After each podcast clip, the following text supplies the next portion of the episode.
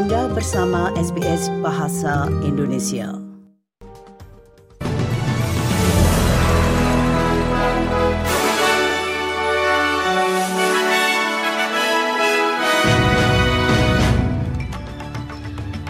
Warta berita SBS Audio untuk hari Senin tanggal 15 Januari. Menteri Luar Negeri Penny Wong mengatakan kunjungannya ke Israel tidak akan mencakup kota-kota Israel yang diserang oleh Hamas. Perdana Menteri Anthony Albanese mengkonfirmasi pemotongan pajak tahap ketiga akan dilanjutkan dan dalam bidang olahraga, Alex de Minaur bersiap untuk melawan Milos Raonic di pertandingan pertamanya di Australia terbuka. Berita selengkapnya. Pemilik adat Kepulauan Tiwi kalah dalam kasus penting di pengadilan federal melawan raksasa gas Santos terkait pembangunan jaringan pipa di Laut Timur. Tetua Cikilaruwu Simon Munkara memulai proses perdata terhadap Santos pada bulan Oktober dengan alasan bahwa pipa Barossa senilai 5,7 miliar dolar yang direncanakan akan mengancam situs warisan budaya sakral.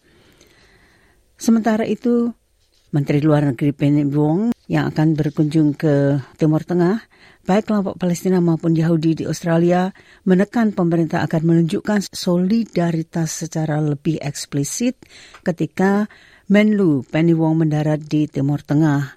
Menlu Wong akan mengunjungi Israel, Yordania, wilayah pendudukan Palestina, dan Uni Emirat Arab. And what justice is, is an end to the killings on both sides. Children don't deserve to die.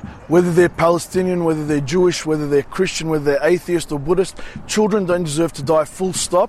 And that should have been... Dan serangan udara Israel menghujani kota Deir al-Balah dan kamp pengungsi Magasi dan Burej di Gaza Tengah hanya beberapa jam setelah perang Israel Hamas memasuki hari ke 100. Hampir 24 ribu orang di jalur Gaza telah terbunuh akibat pemboman Israel di wilayah yang dikuasai Hamas sejak 7 Oktober menurut otoritas kesehatan setempat yang jumlahnya lebih dari satu persen dari populasi wilayah tersebut. A missile landed at our neighbors but didn't detonate. The missile came like this, almost vertically, and there it is on the other street. We go out, we see our neighbor has two martyrs. We picked up things with him and helped him a bit. Then a drone. Perdana Menteri Albanisi mengatakan masyarakat berpenghasilan tinggi Australia masih akan menerima pemotongan pajak meskipun pemerintah tetap berkomitmen untuk mengelola kesenjangan. Perdana Menteri telah menegaskan kembali pemotongan pajak tahap ketiga yang kontroversial di mana masyarakat berpenghasilan tinggi akan menerima keuntungan tertinggi yang akan mulai berlaku pada tanggal 1 Juli. The stage 3 tax cuts is about giving some of your money back to you. It's very easy to get a surplus when I just use the money out of your skyrocket and put it into the government's treasury treasury bucket. Perdana Menteri Albanese mengatakan kepada ABC Radio Melbourne bahwa pemangkasan suku bunga telah diperhitungkan dalam kebijakan inflasi dan bahwa Partai Buruh akan terus mempertimbangkan langkah-langkah untuk membantu warga Australia melakukan hal yang sulit menjelang anggaran federal. We think that in terms of uh, income tax relief, Uh, that is one way that can assist people uh, because it does mean uh, extra dollars in people's pockets. Polisi wilayah utara yakin video yang beredar di Alice Springs mungkin menyimpan petunjuk tentang kematian akibat kekerasan yang dialami oleh seorang pria berusia 19 tahun pada hari tahun baru. Seorang pria telah diekstradisi dari Melbourne dan akan didakwa membunuh Yale Gatlock yang mayatnya diketemukan di jalan terpencil dekat stasiun Udolgia. Uh, Northern Territory Police are yet to see that video. Its veracity is yet to be determined, but I would ask anyone within the Northern Territory community, particularly Alice Springs community, Polisi Queensland sedang menyelidiki grafiti Hari Pro Australia di kota Woolworths, di mana suar yang menyala juga mendorong evakuasi apartemen di dekatnya. Ketegangan meningkat akibat keputusan beberapa pengecer terkemuka termasuk Aldi, Woolworths, dan Kmart untuk tidak menyediakan barang dagangan pada hari Australia menjelang hari libur nasional 26 Januari. I support Woolies with their decision. I think it's good. I think Australia Day date needs to be addressed, but I don't think damaging property is the right way to get your opinion across. Wabah kolera di Zambia telah menewaskan sedikitnya 351 orang, sementara negara tersebut berjuang untuk membendung hampir 9.000 kasus aktif. Kerabat orang yang dirawat karena penyakit tersebut berkumpul di luar stadion di ibu kota Lukasa, menunggu kabar apakah orang yang mereka cintai masih hidup atau meninggal. Menteri Kesehatan Sylvia Masebo telah mengunjungi pusat tersebut untuk menyampaikan bela sungkawa dan mengatakan bahwa dia telah memberitahu para keluarga bahwa mereka tidak boleh ikut serta dalam pemakaman. And I've also told them that they cannot have funerals at their homes by bringing people. I've also told the general public not to attend funerals anymore, to avoid those funerals, especially if somebody has died from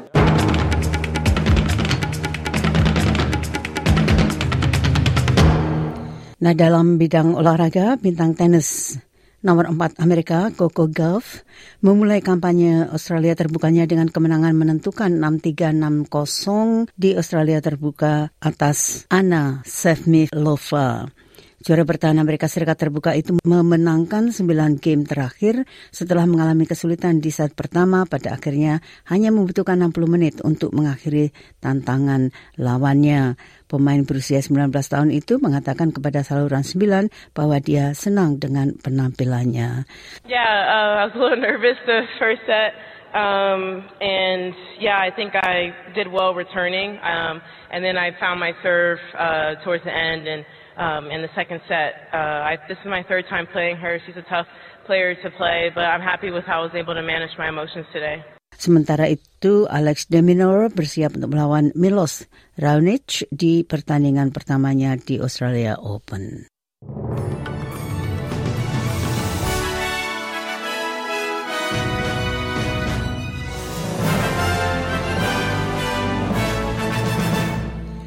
Nah sekali lagi sehari berita penting hari ini, Menlu Penny Wong mengatakan kunjungannya ke Israel tidak akan mencakup kota-kota Israel yang diserang oleh Hamas. Perdana Menteri Anthony Albanese mengkonfirmasi pemotongan pajak tahap ketiga akan dilanjutkan dan dalam bidang olahraga, Alex Domino bersiap-siap untuk melawan Milos Raonic di pertandingan pertamanya di Australia terbuka. Sekian warta berita SBS Audio untuk hari Senin tanggal 15 Januari.